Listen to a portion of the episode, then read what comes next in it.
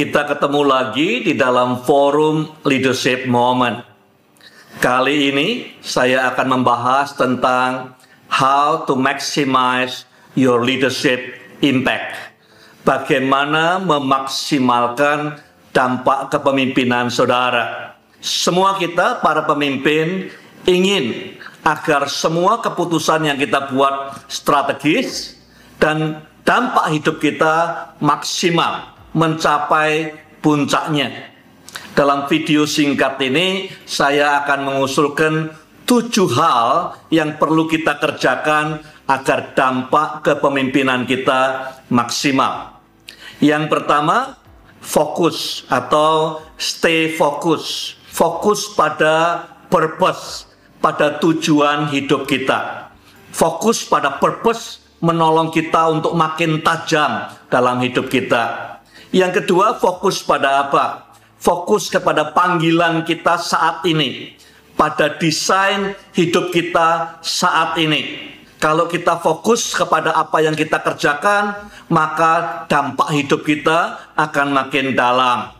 Semakin kita tidak fokus, kita terima apa saja yang orang ingin kita kerjakan, semua tawaran pelayanan, semua tawaran pekerjaan, kita terima semua itu, maka dampak hidup kita akan dangkal.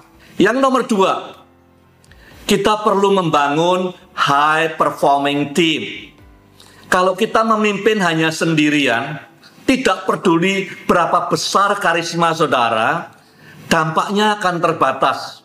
Tapi kalau kita berhasil membangun tim yang high performing, di mana anggota timnya adalah orang-orang yang committed, yang mau bekerja sama satu dengan yang lain. Cara berpikirnya, cara pandangnya, karunianya beda-beda. Tapi punya hati yang sama untuk mencapai tujuan sama.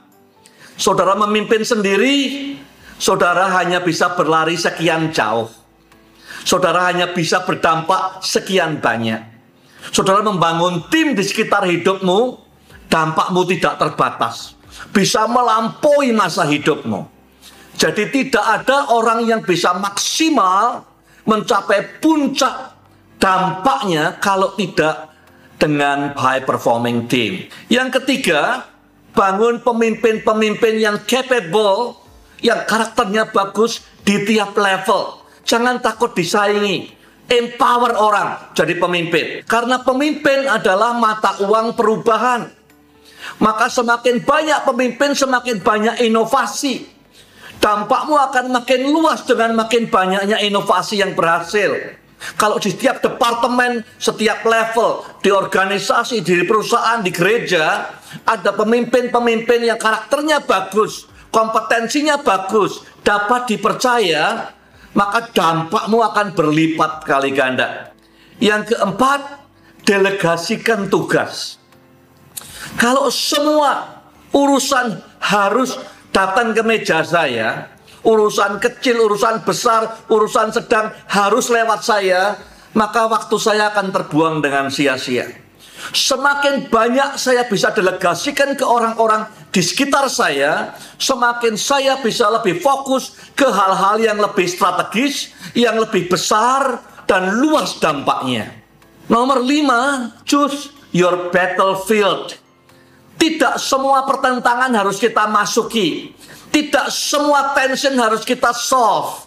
Kita choose battle kita. Setiap kali kita bertempur, itu mempengaruhi kesehatan kita, kesehatan jantung kita, kesehatan pikiran kita, kesehatan fisik kita, kesehatan emosi kita. We have to choose our battle.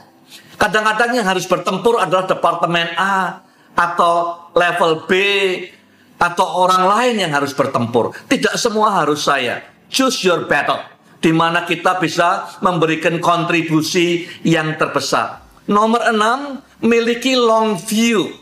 Dalam hidup ini, banyak pemimpin saya lihat ingin semua terjadi dalam generasinya. Ingin semua goal, ingin supaya semua gerakan terjadi dalam hidupnya. Tapi di Alkitab kita lihat banyak pemimpin yang berpikir bergenerasi-generasi berikutnya. Ratusan tahun setelah ini. Kalau dampakmu ingin besar dan luas dan panjang, kita harus punya visi 400 tahun ke depan, 300 tahun ke depan, 100 tahun ke depan. Bagaimana perusahaan ini jadi besar dan berdampak buat dunia. Bagaimana gereja ini bisa mewarnai abad depan. Bagaimana organisasi ini bisa terus mencetak pemimpin dua abad dari sekarang. Makin hebat dampaknya. Jadi long view. Kalau saudara short view, maka semua energimu hanya untuk mencari dampak saat ini. Dan yang terakhir, check your ego.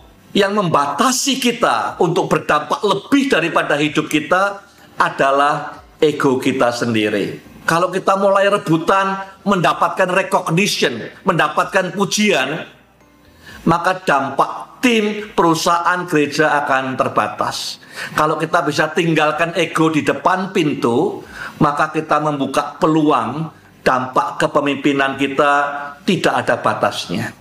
Jadi saya berdoa, saya ingin setiap saudara bisa mencapai puncak dari dampak kepemimpinan saudara. Ada tujuh hal ini yang saya tawarkan. Stay fokus. Fokus pada purpose hidupmu. Fokus kepada panggilanmu saat ini. Tugas yang kau kerjakan. Tanggung jawab yang kau sedang emban. Yang kedua, bangun high performing team. Tidak peduli berapa besar karisma saudara. Jangan mimpin sendirian. Pemimpin yang dampaknya melewati hidupnya, melewati kapasitasnya, selalu memimpin dalam tim. Tidak asal tim, tapi high performing team. Yang nomor tiga, jangan capek-capek, jangan lelah-lelah. Bangun pemimpin-pemimpin yang baik sebanyak-banyaknya. Di organisasi saudara, di gereja, di perusahaan, di setiap level. Yang nomor empat, delegasikan. Apa pun yang bisa didelegasikan, delegasikan kepada orang yang mampu, yang mau, yang benar. Jangan semua dipegang sendiri. Jangan semua tanda tangan harus saudara. Jangan semua keputusan harus di meja saudara.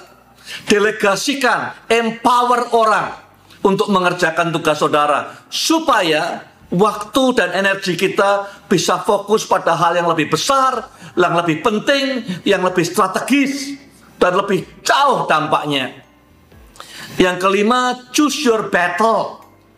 Jangan direpotkan dengan urusan yang bukan urusan saudara. Masing-masing orang punya battle-nya sendiri-sendiri, punya medan perangnya sendiri-sendiri. Choose your battle wisely. Nomor enam, miliki long view.